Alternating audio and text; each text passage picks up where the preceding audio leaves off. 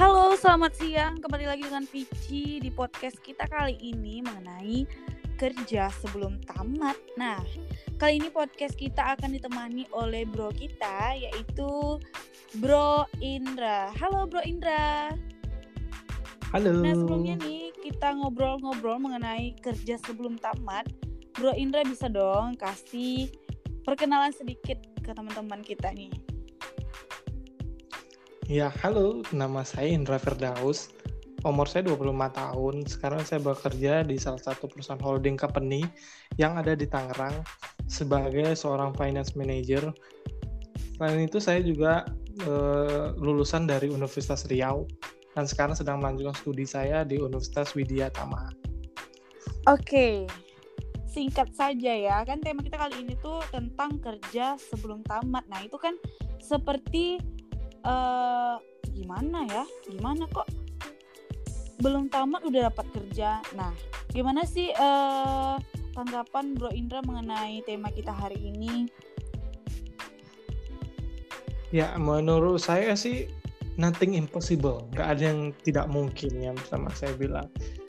E, be, apa, bekerja sebelum tamat itu e, bisa saya bilang itu mungkin saja ketika teman-teman mempunyai hal yang unik di diri teman-teman. Selain mempunyai hal yang unik dan teman-teman juga punya network yang bagus.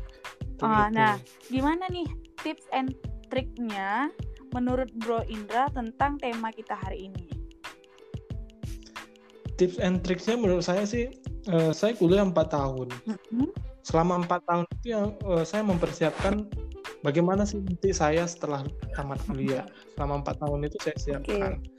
Mulai dari bagaimana saya membangun relasi, mulai dari mana saya berhubungan, mulai dari bagaimana saya belajar untuk berkomunikasi, bagaimana saya belajar untuk memimpin, dan itu saya pelajari semua selama empat tahun di kampus Dan nggak ada yang instan yang okay. saya bilang bagi teman-teman jangan sekarang mm-hmm. teman-teman belajar satu malam langsung tiba-tiba teman-teman pinter, teman-teman bisa bicara, teman-teman bisa memimpin tim. It's it's impo apa? Nothing impossible ya. Impossible impossible, oh, impossible. ya. Ah, jadi uh, hal yang pertama sekali yang harus kita lakukan sebagai uh, entah itu mahasiswa yang masih ada SKS-nya atau mahasiswa yang masih ada tugas akhir. Nah, hal pertama yang harus kita lakukan ini apa? Ya, hal pertama yang kita lakukan yang pertama itu bangun soft skill. Mm -hmm. Nah, skill ini bisa kita dapat baik di dalam kelas maupun di luar kelas kalau di luar kelas mungkin saya bisa saja pada teman-teman aktiflah di organisasi-organisasi baik itu organisasi profesi, organisasi sosial mm -hmm. dan lain-lain. Mm -hmm. Nah di situ usaha teman-teman itu uh, menjadi seorang uh, koordinator, mm -hmm.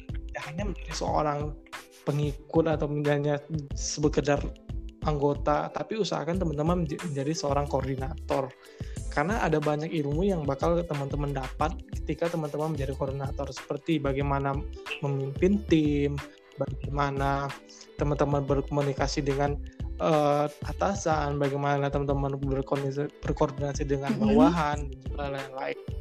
Nah, selanjutnya ketika teman-teman di kelas, teman-teman bisa belajar bagaimana menyajikan presentasi yang baik, bagaimana ber, menyanggah teman-teman yang lagi presentasi bagaimana berargumentasi dan juga lain-lain seperti okay. itu dan selain soft skill ya, dan juga jangan lupa selain okay. soft, soft skill yang kita harus miliki nah apalagi nih kiatnya nah, selain soft skill itu ya tentu kita harus punya hard skillnya dong hmm. gitu hard skill itu ya misalnya kalau misalnya saya uh, orang akuntansi hmm. saya kan orang maka minimal tamat itu saya punya kemampuan bikin laporan keuangan, mengerti prosedur akuntansi okay. dan juga lain-lain. Nah, misal teman-teman orang matematik yang paling tidak mengerti statistik, mengerti bagaimana mengolah data dengan baik dan juga lain-lain. Okay. Apakah hanya dua itu saja, bro?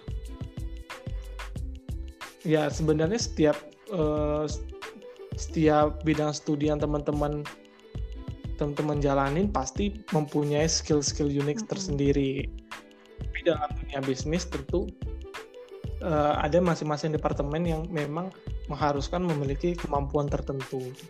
Oke, jadi uh, selain dari selain dari soft skill kita harus memiliki hard skill ya oke. Ya. jadi itu itulah yang membuat kita bisa bekerja sebelum tamat